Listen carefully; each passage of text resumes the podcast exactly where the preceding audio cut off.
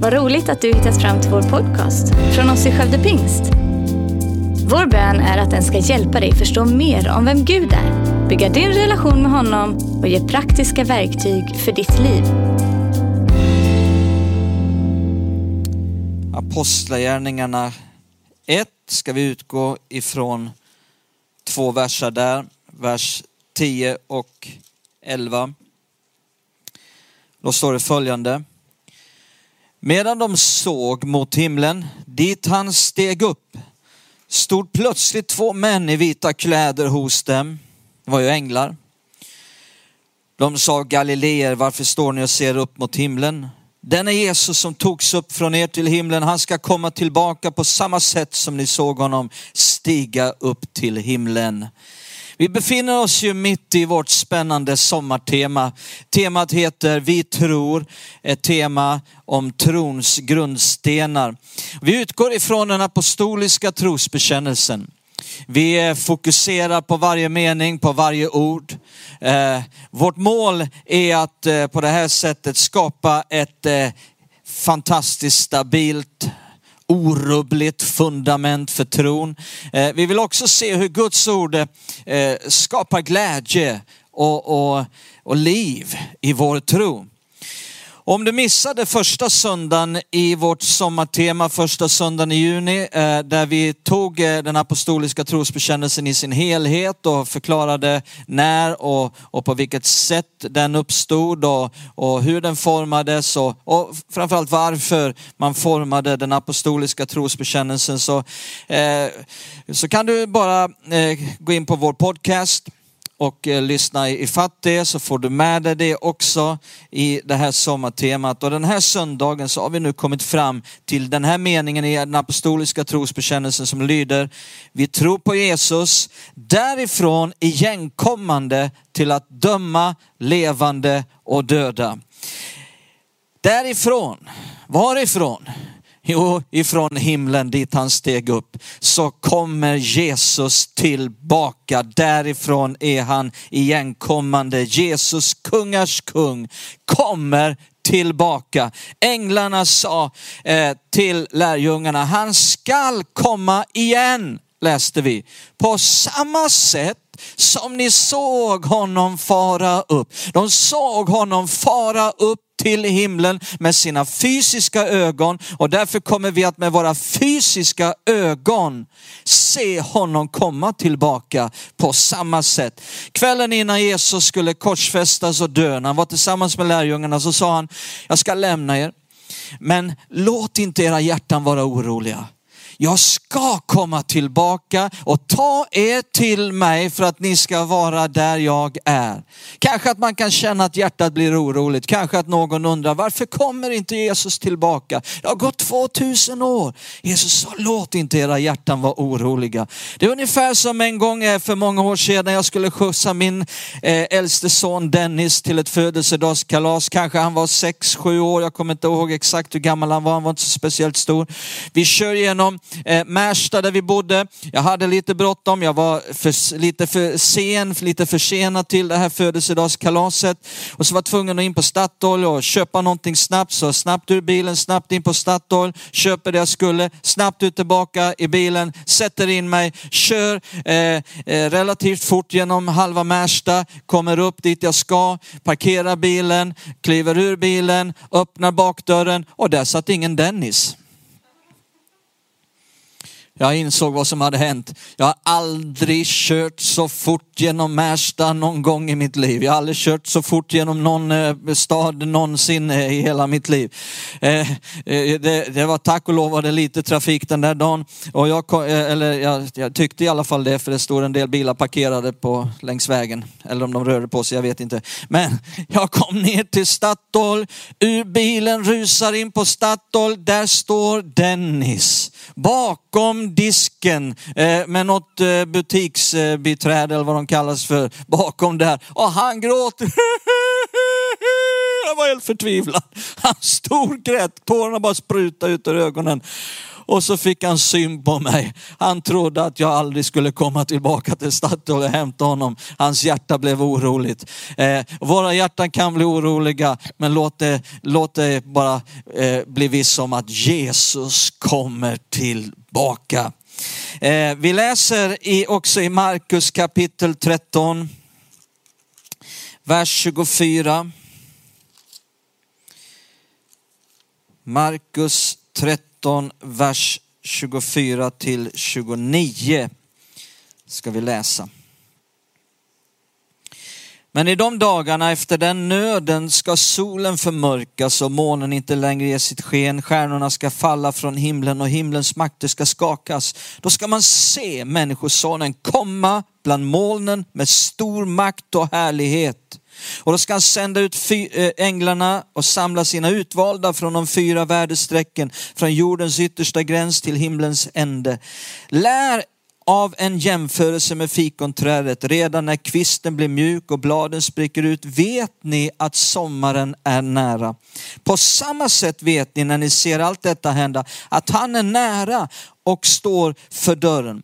Jesus säger här och också på andra ställen att precis som vi kan se vårtecken i naturen att sommaren är snart här. På samma sätt så finns det tydliga tecken som visar på att snart är Jesu andra ankomst nära. Eh, vi ska inte ta tid här idag att djupstudera det, men Bibeln visar på flera sådana tecken som idag man kan se väldigt tydligt i vår värld. Ett sådant tecken är nationen Israel. Bibeln säger långt innan det hände att judarna och Israels befolkning ska skingras och spridas över hela världen. Men strax innan Jesus kommer tillbaka så ska nationen Israel uppstå igen och judarna ska återsamlas från hela världen säger Bibeln. Och det är min vän, det är inte länge sedan det hände att efter 2000 år då Israel inte var någon nation så blev det en nation igen och judarna samlas där från hela världen. Andra sådana här tecken eh, som Bibeln talar om är ett förenat Europa. Det är världens fokusering på Mellanöstern. Det är, eh, det är ett globalt data och kommunikationsnätverk som möjliggör för en världsledare att eh, synas över hela världen och kontrollera hela världen. Eh, andra tecken är ett stort andligt avfall och laglöshet. En växande massiv rörelse mot politisk korrekthet och tolerans. Men min vän, eh, ett annat tecken är också det världsvida predikandet utav evangeliet till jordens yttersta gräns. Dessa tidstecken, de är viktiga att se för att förstå den tid vi lever i. Eh, men, men det finns också en fara faktiskt att, att bli mer upptagen med de här tidstecknen än att han faktiskt kommer tillbaka. Jesus eh, har aldrig menat att vi ska tävla om vem som har den bästa och mest invecklade spekulationen omkring det här. Att vi ska börja bråka om vem som vet bäst när och hur han eh, kommer. Ibland är det som när två läkare bråkar om vem som har rätt diagnos och allt du vill är att bli frisk. Det är det som är det viktiga, inte vilken som har rätt diagnos. Eh, Jesus säger det viktiga är att vara redo. Det är att vara redo. Titta här i, i, i Matteus 13. Um, ehm, ja, Markus 13. Eh, 30, jag vet inte om jag har rätt bibelord nu på, på skärmen här men, men eh, Eh, Markus 13. Var på er vakt och håll er vakna. Vi är kvar i samma kapitel där, Markus 13. Då säger Jesus, var på er vakt och håll er vakna, för ni vet inte när tiden är inne. Det är, det är som när en man reste bort och lämnade sitt hus och gav sina tjänare ansvar och var och en för sin uppgift. Portvakten befallde han att vara vaken. Var därför vakna, ni vet inte när husets herre kommer, om det blir på kvällen eller vid midnatt eller när tuppen gal eller på morgonen, se upp så att han inte plötsligt kommer och finner att ni sover. Och vad jag säger till er, det säger jag till alla, håll er vakna. Det är det som Jesus poängterar. Det är det viktiga. Första gången kom Jesus för att rädda, den här gången kommer han för att råda. Första gången fanns det inte plats för honom i härberget. Den här gången kom alla att se upp till honom i hans härlighet. Första gången bar han korset. Denna gång bär han kronan. Första gången så dog han för hela världen och la sig i en grav. Den här gången regerar han över hela världen och sätter sig på sin tron. Första gången så kom han för att vara frälsare. Denna gången kommer han för att vara domare. Låt oss se det här. Det är den andra delen i meningen från den apostoliska trosbekännelsen. Därifrån igenkommande till att döma levande och döda. Och titta nu vad Jesus säger här i Matteus 25. Vi ska läsa en, en, en hel del versar här nu, men följ med. Eh, det här är viktigt det Jesus säger i Matteus 25 från vers 31 så står det, när människosonen kommer i sin härlighet och alla änglar med honom. Då ska han sätta sig på sin härlighetstron och alla folk ska samlas, etnos på grekiska folkslag, nationer ska samlas inför honom och han ska skilja dem från varandra som herden skiljer fåren från getterna. Han ska ställa fåren på sin högra sida och getterna på den vänstra. Då ska kungen säga till dem som står på hans högra sida, kom min fars välsignade och ta emot det rike som stått berett för er sedan världens skapelse. För jag var hungrig och ni gav mig att äta, jag var törstig och ni gav mig att dricka, jag var främling och ni tog emot mig. Jag var naken och ni klädde mig, jag var sjuk och ni besökte mig, jag var i fängelse och ni kom till mig.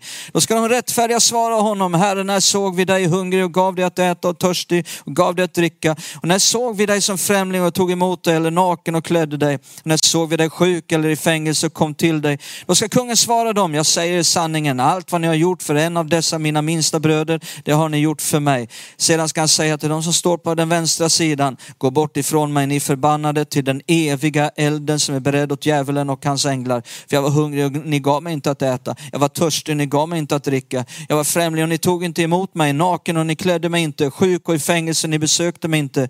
Då ska de svara, Herren när såg vi dig hungrig eller törstig eller som främling eller naken eller sjuk eller i fängelse och hjälpte dig inte. Då ska han svara dem, jag säger sanningen, allt vad ni inte har gjort för en av dessa mina minsta, det har ni inte heller gjort för mig. Och de ska gå bort till evigt straff, men de rättfärdiga till evigt liv. Här ser vi att när Jesus kommer tillbaka så kommer han som domare. En sak som inte riktigt alla har klart för sig, det är att Bibeln faktiskt aldrig talar om den stora domedagen. Då allting att liksom en dag när allt och alla ska dömas på en och samma gång. Bibeln talar aldrig om det. Eh, istället så talar Bibeln om flera olika domstillfällen som händer vid olika tillfällen då olika saker eller personer eller, eller folkslag och nationer, eh, grupperingar av människor ska dömas. Ett sådant domstillfälle är när Jesus dömer över folkslag och nationer. Eh, en annat sådant domstillfälle är när, när Israel Israel som nation får sin dom. Ett annat tillfälle är när Jesus dömer antikrist och den falske profeten eller när han vid ett annat tillfälle dömer djävulen och de fallna änglarna. På samma sätt står det att i slutet av vad som kallas tusenårsriket kommer döden och dödsriket, Hades på grekiska, att ge igen sina döda eh, och de kommer att få en, sin dom vid den tillfället. Alla som inte har sina namn skrivna i Livets bok eh, blir då förvisade till ett evigt straff, står det. Eh, och på samma sätt så kommer de som har blivit frälsta, tagit emot Jesus under här, sitt liv, att också få ett, ett tillfälle då man kommer att dömas. Eh, man kan också se vid de här domstillfällena att eh, alla domstillfällen innehåller inte bara straff, utan eh, vissa gånger så finns också med belöning, lön eh, eller befordran. Eh, I den sista versen som vi läste här så läser vi om evigt straff och evigt liv. Kristna människor Och även predikanter kan ibland dra sig för att, att tala om det här. Eller till och med komma med konstiga förklaringar varför evig inte skulle betyda evig. Det är inte så länge sedan jag var tillsammans med en grupp pastorer och jag blev faktiskt förvånad av att några ansåg att evig inte betydde evig och jag hade svårt för att förstå resonemanget. Man kanske känner att det skulle tala emot att Gud är en kärleksfull Gud. Men saken kvarstår att det finns ingen som Jesus som så tydligt varnar för och talar och beskriver helvetets fasa och pina allra tydligast. Det är Jesus själv. Han visste för väl för att missta sig. Han var alltför rättfärdig för att bedra oss. Han var alldeles för omtänksam och god för att undanhålla den här sanningen ifrån oss och misslyckas med att varna oss. Därför så var detta återkommande för Jesus hela tiden att just tala om detta. Vi ser i Hebreerbrevet kapitel 6. Hebreerbrevet kapitel 6 därifrån igenkommande att döma levande och döda. Hebreerbrevet 6, vers 1 och 2. Låt oss därför lämna bakom oss de första grunderna i Kristi lära och föras mot fullkomningen och inte lägga grunden igen med omvändelse från döda gärningar och tro på Gud med undervisning om dop och handpåläggning om det dödas uppståndelse och lyssna, evig dom. Här står det att författaren säger att det finns grundläggande läror om Kristus. Läror som lägger grunden för vår tro. Så räknar han upp några stycken och den sista läran som han talar om är evig dom. Så evig dom är en grundläggande lära. Det är någonting väldigt fundamentalt som man måste få med sig, den förståelsen i sitt liv.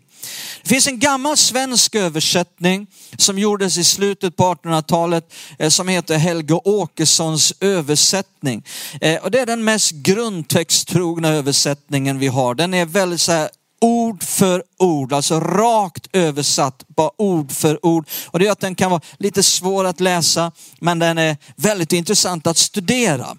Eh, och Helge Åkesson översätter här med istället för ordet evig i evig dom så står det tidsåldrig dom. Och det är faktiskt helt korrekt. Det är det som det står i grekiskan. Det är det grekiska ordet. Och därför så undervisade Helge Åkesson att det fanns ingen evig dom utan det var tidsåldrig dom, det vill säga en tidsbestämd dom ett tidsbestämt straff. Eh, Åkesson blev utesluten ur baptistsamfundet. Han eh, eh, startade fribaptisterna som sedermera på senare tid har gått samman med Helgelseförbundet och Örebromissionen och bildat EFK. Eh, och fortfarande idag finns det de som eh, undervisar samma sak, att evig betyder inte evig, det betyder någonting tidsåldrigt. Ja men hur är det då? Kanske att Helge Åkesson och andra har rätt. Nej, inte alls. De har fel.